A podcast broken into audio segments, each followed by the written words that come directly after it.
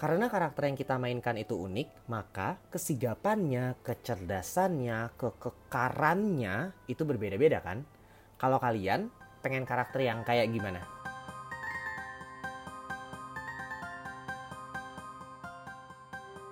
Halo semuanya, kembali lagi di episode Roll and Rolls where bunch of people roll dice and play roles. Gue Kidung dan kali ini kita akan membahas tentang ability scores atau stats dari karakter lo. Mari kita mulai.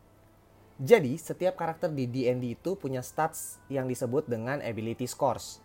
Ada enam kategori, strength, dexterity, constitution, intelligence, wisdom, dan charisma.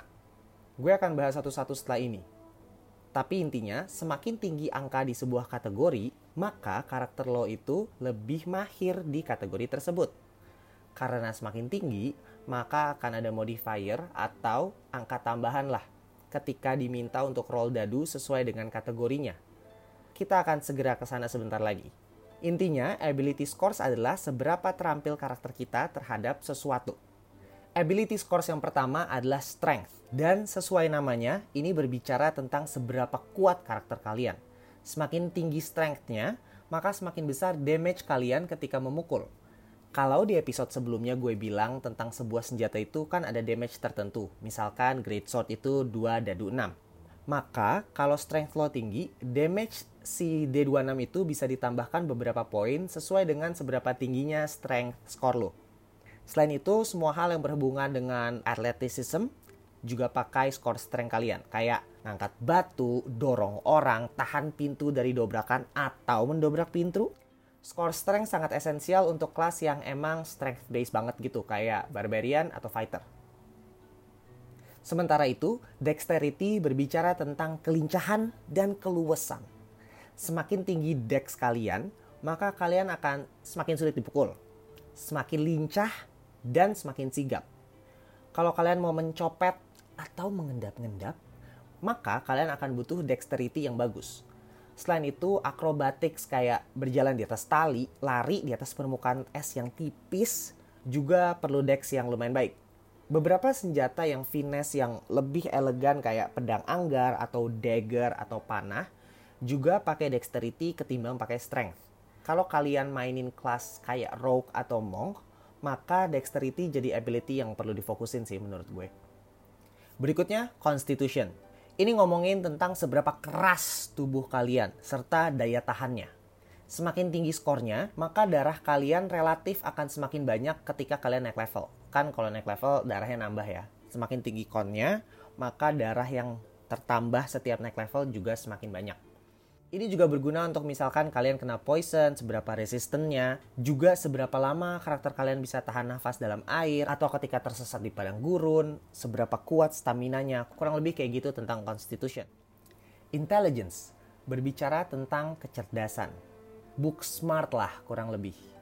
Jadi semakin tinggi skornya, maka pengetahuan karakter kalian akan sihir, akan uh, nature atau alam, history, religion, serta kemampuan investigasi akan semakin baik.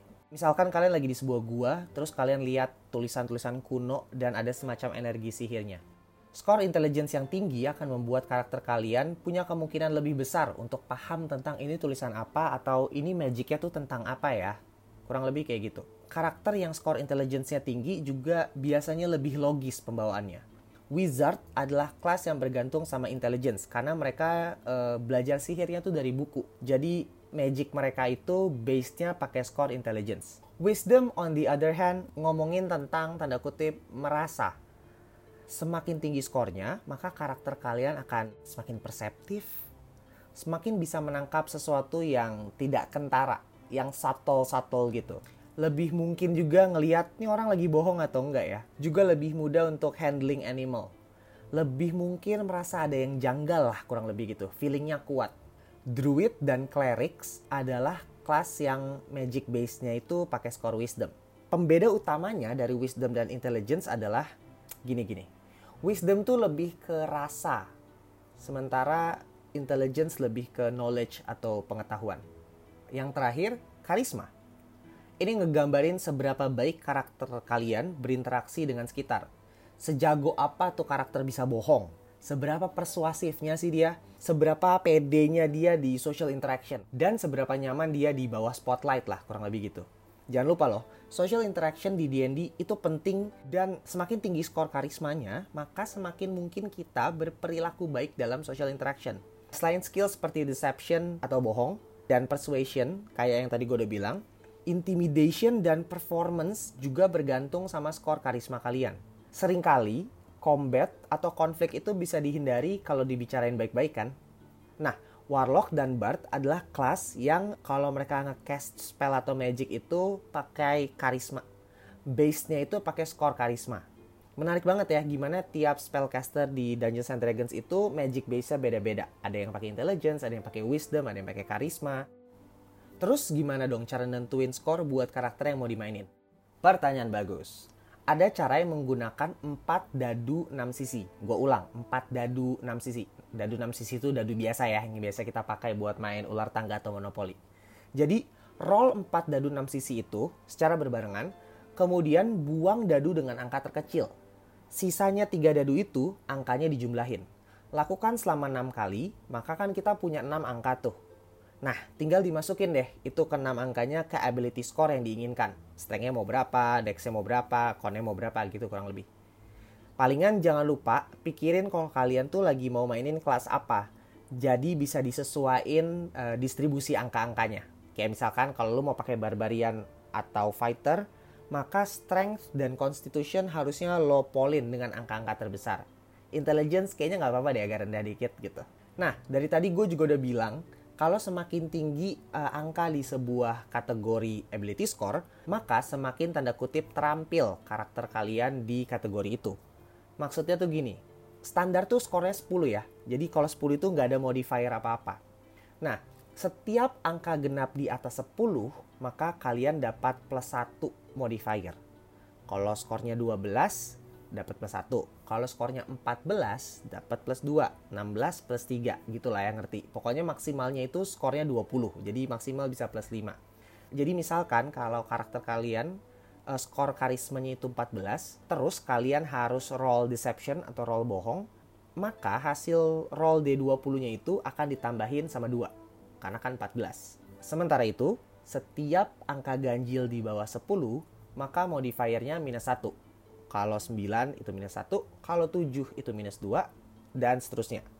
Makanya tadi gue udah bilang kan, perhatiin dulu kelas yang mau dimainin, supaya skornya itu bisa kalian sebar sesuai dengan kebutuhan si kelas tersebut. Nah, ras yang akan kalian pilih untuk karakter kalian itu juga pasti punya ability score bawaan. Misalkan kalian mau mainin wood elf atau uh, elf dari hutan gitu ya. Mereka tuh akan dapat dex plus 1 otomatis akan dapat dex plus 1. Kalau kalian mainin halfling, maka karakter kalian akan dapat skor karisma plus 1 otomatis. Kalau kalian mainin half orc, itu akan dapat strength plus 2 dan constitution plus 1. Gokil. Dan lain-lain lah, kalian bisa pelajarin sendiri jenis-jenis ras yang bisa kalian mainin di Dungeons and Dragons.